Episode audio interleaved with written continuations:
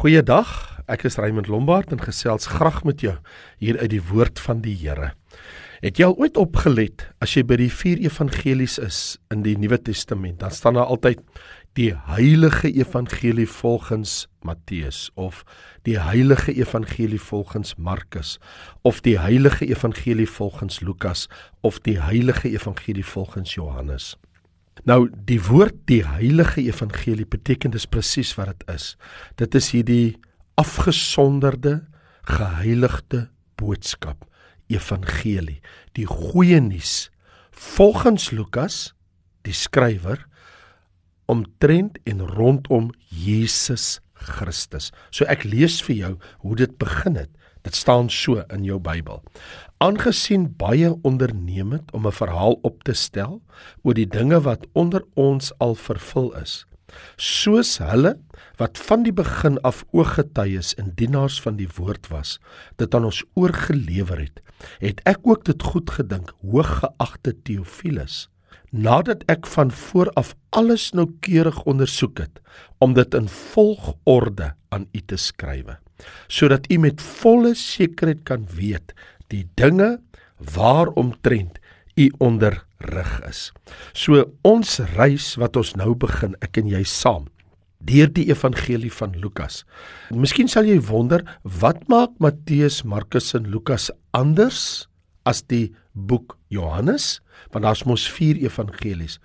Ons praat van Matteus, Markus, Lukas as die sinoptiese evangelies. In ander woorde, daai 3 het te doen met die geboorte, die lewe, die bediening, die lyding, die kruisiging, die begrafnis en die opstanding van Jesus Christus. So dit is 'n sinopsis, dit is 'n oorsig oor sy lewe. Terwyl Johannes fokus in die besonder op Jesus as die seun van God, sy bediening en sy roeping. So ek nooi jou om saam met my so deur die skrif 'n heerlike reis te onderneem. En jy mag dalk nou wonder, Maar hoekom wil ek met jou oor Lukas praat? Wel, het jy geweet dat Lukas is die enigste Nuwe Testamentiese skrywer wat 'n nie-Jood was. Hy was nie 'n Jood nie. Dit wil sê al 27 jou boeke van die Nuwe Testament behalwe die boeke wat Lukas geskryf het. En Lukas het twee boeke geskryf. Hy het die boek Lukas, die Heilige Evangelie volgens Lukas en natuurlik die boek Handelinge het hy geskrywe. O, en natuurlik hy was ook 'n dokter. Hy was 'n vriend, 'n persoonlike vriend en het baie reise met Paulus onderneem. Dit was ook hy dan wat die boek Handelinge vir ons neergepen het. So in sy skrywe gee hy vir ons hier in die Evangelie van Lukas 'n narratief. Dit is in ander woorde 'n storielyn 'n uiteensetting van die lewe, die bediening en die boodskap van Jesus Christus rondom sy lyding, rondom sy dood, rondom sy opstanding en rondom sy hemelvaart. En hy skrywe nogal aan Theophilus. En die Grieke het natuurlik in hulle as jy nou gaan dink dat Theophilus wat 'n Griek was, hy sou nie weet wie Jesus Christus is nie. En so Lukas sou aan sy vriend Theophilus skrywe en dit verduidelik. So hier is die ding. Die evangelie van Lukas, hier is die seun van die mens. Hy het gekom om te soek en te red die wat verlore was. So hier is ons. Matteus skrywe aan die Jode dat Messias is die koning. Markus skrywe aan die Romeine Jesus is die getroue dienskneg.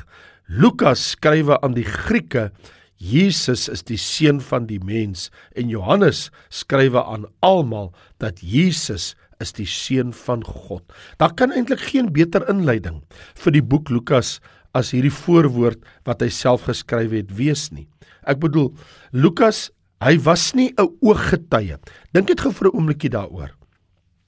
Lukas was nie 'n ooggetuie van al die dinge in die gebeure wat hy neergepen het.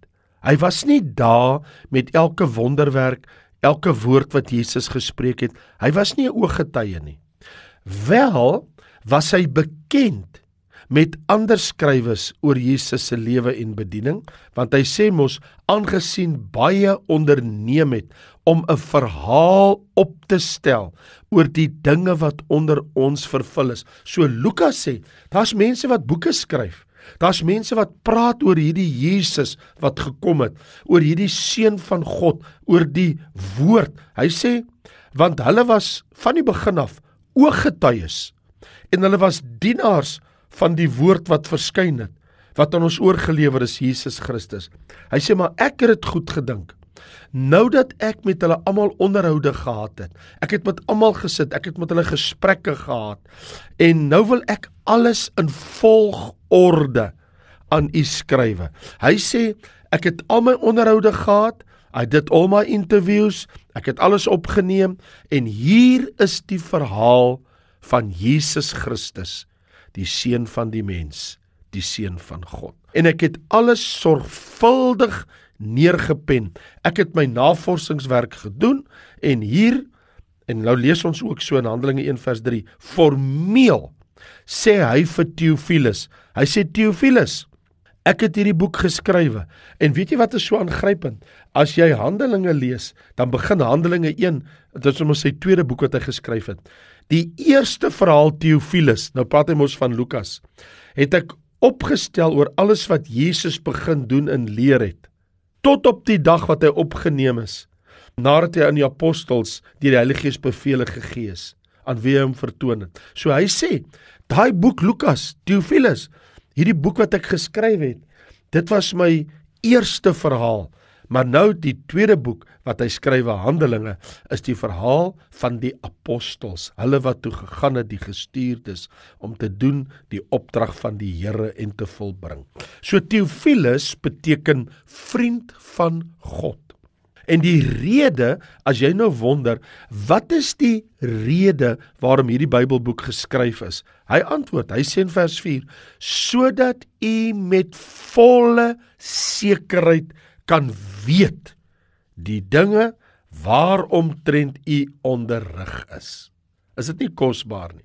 Sodat jy kan weet, dat jy kan glo, dat jy kan verstaan, dat jy kan begryp. So die evangelie, hierdie heilige evangelie volgens Lukas, fokus dan nou uitsonderlik op die lewe en die dood en die opstanding van Jesus Christus. So Lukas se fokus op Jesus is in die besonder as Jesus as die seun van die mens. Terwyl Matteus skryf aan Jesus of hy skryf Jesus die koning van die Jode. Markus Jesus die dienskneg en Johannes Jesus die seun van God terwyl Lukas hy praat van Jesus die seun van die mens. As jy van my vra, gee vir my een teks wat die hele boek Lukas saamvat primêr die fokuspunt van die hele boek. Watter teks sou jy kies? My keuse sou oombliklik wees Lukas 19 vers 10. Die seun van die mens het gekom om te soek en te red wat verlore was. Daar het jy dit. En dis Jesus se eie woorde. Die seun van die mens het gekom om te soek en te red die wat verlore was.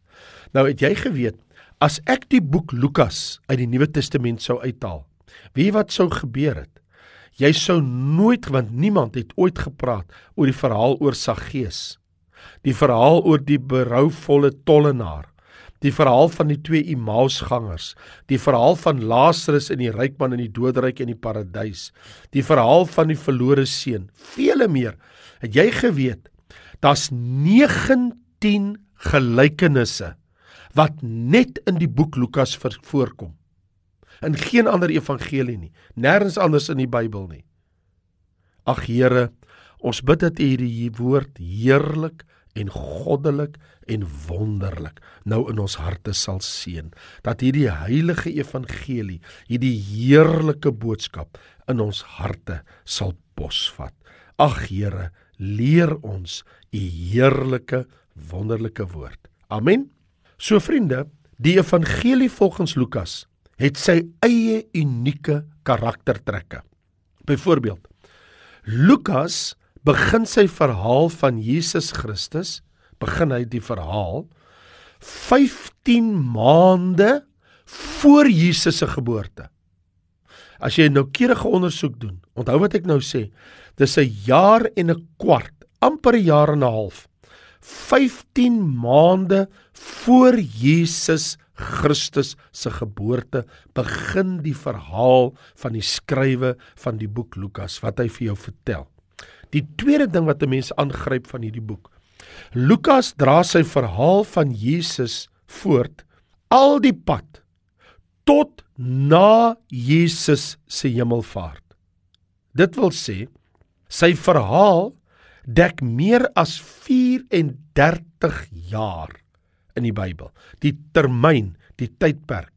So sy verhaal van Lukas 1 tot Lukas 24 is 'n verhaal van 'n gebeure in die wêreld van 34 jaar. Lukas vertel ons van 6 wonderwerke wat jy nêrens anders in die Bybel van lees nie. Lukas vertel ons van 19 gelykenisse wat jy geen ander plek in die Bybel vind nie.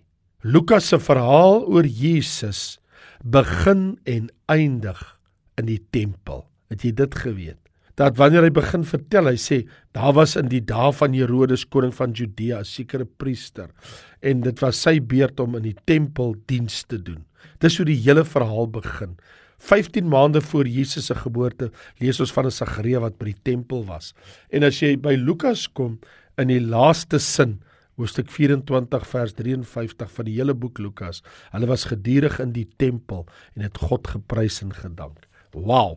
Die boek Lukas begin by die tempel en die boek Lukas eindig by die tempel. Wow.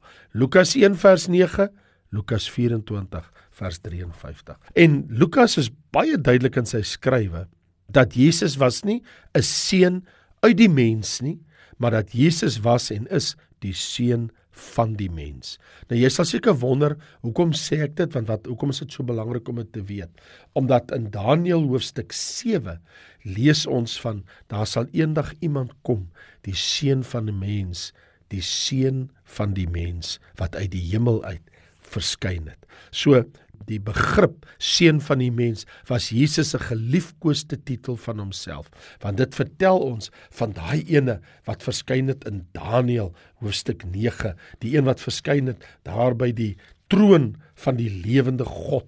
Jou Bybel verduidelik dit vir ons so mooi wanneer dit vir ons sê, hy sê, en ek het bly kyk Daniël 7 vers 9 totdat trone reg gesit is en 'n oue vandag gaan sit het. Sy kleed was wit so sneeu, sy hare van sy hoof so skoon wol. Sy troon was vuur vlamme, die wiele daarvan 'n brandende vuur.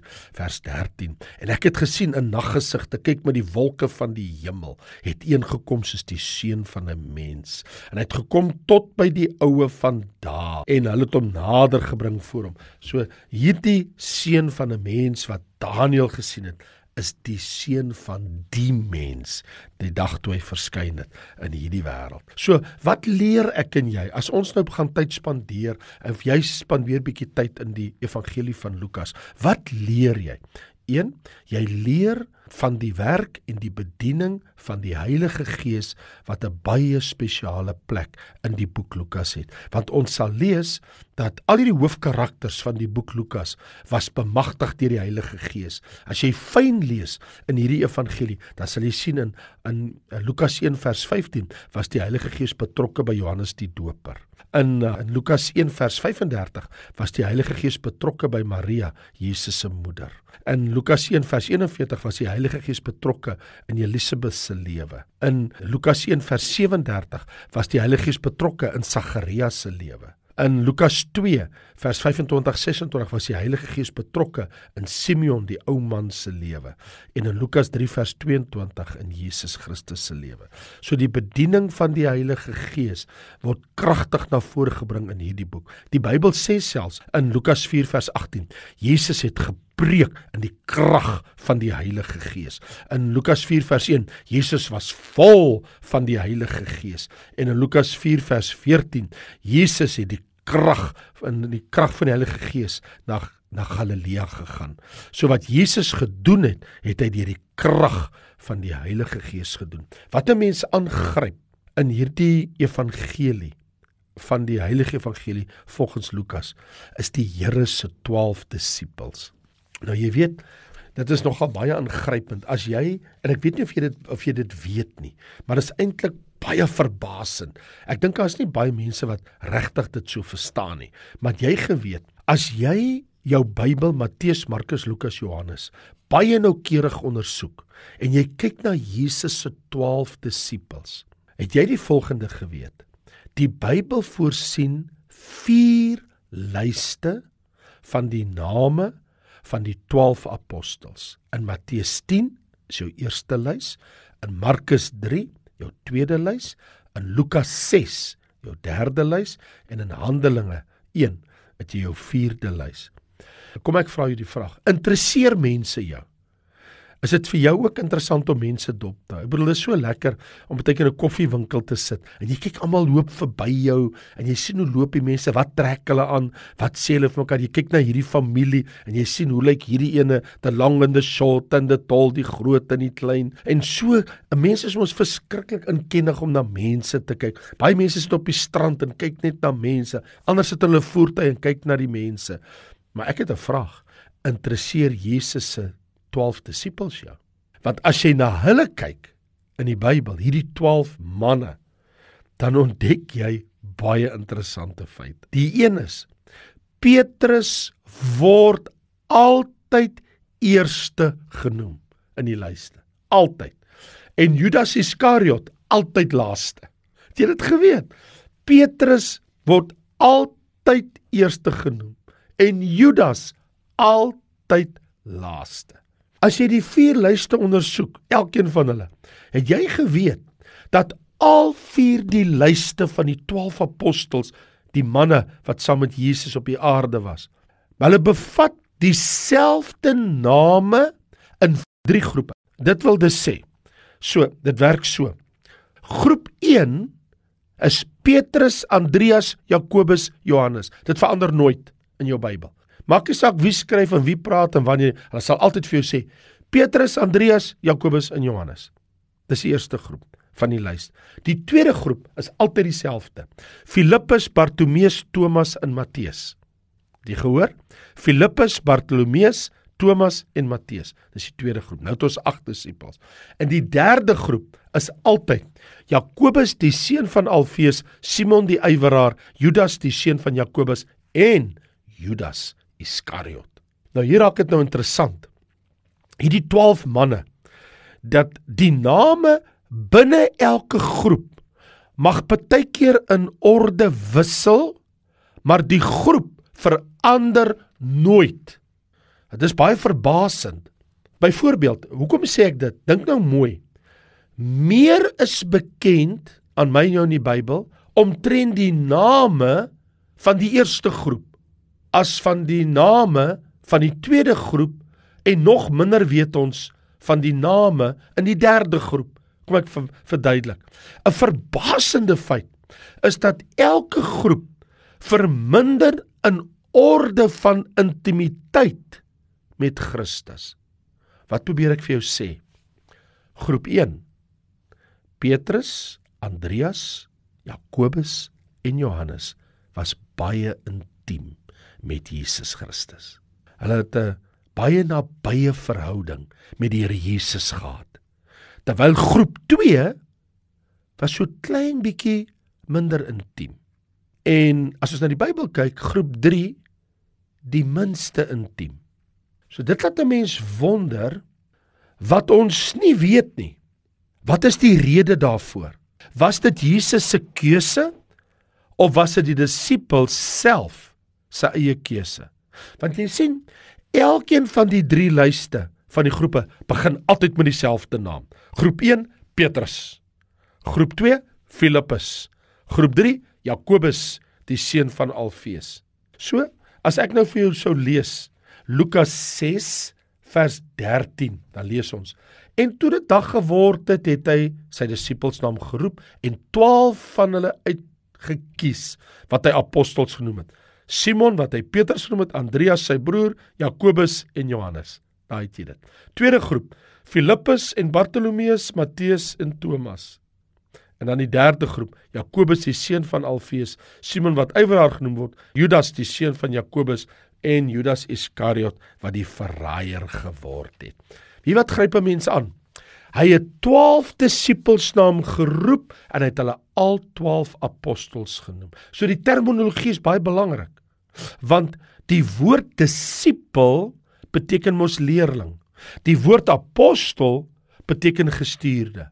So die Bybel begin deur te sê hy het hulle sy disippels hy het sy disippels na hom geroep maar toe later noem hy hulle sy apostels sy gestuurdes. Jy word eers 'n disipel van die Here en dan word jy 'n gestuurde. Dan stuur hy jou om te getuig. So die eerste wat baie duidelik is die 12 het by Jesus geleer en toe word hulle gestuur. Vandag word die disippels genoem Christene.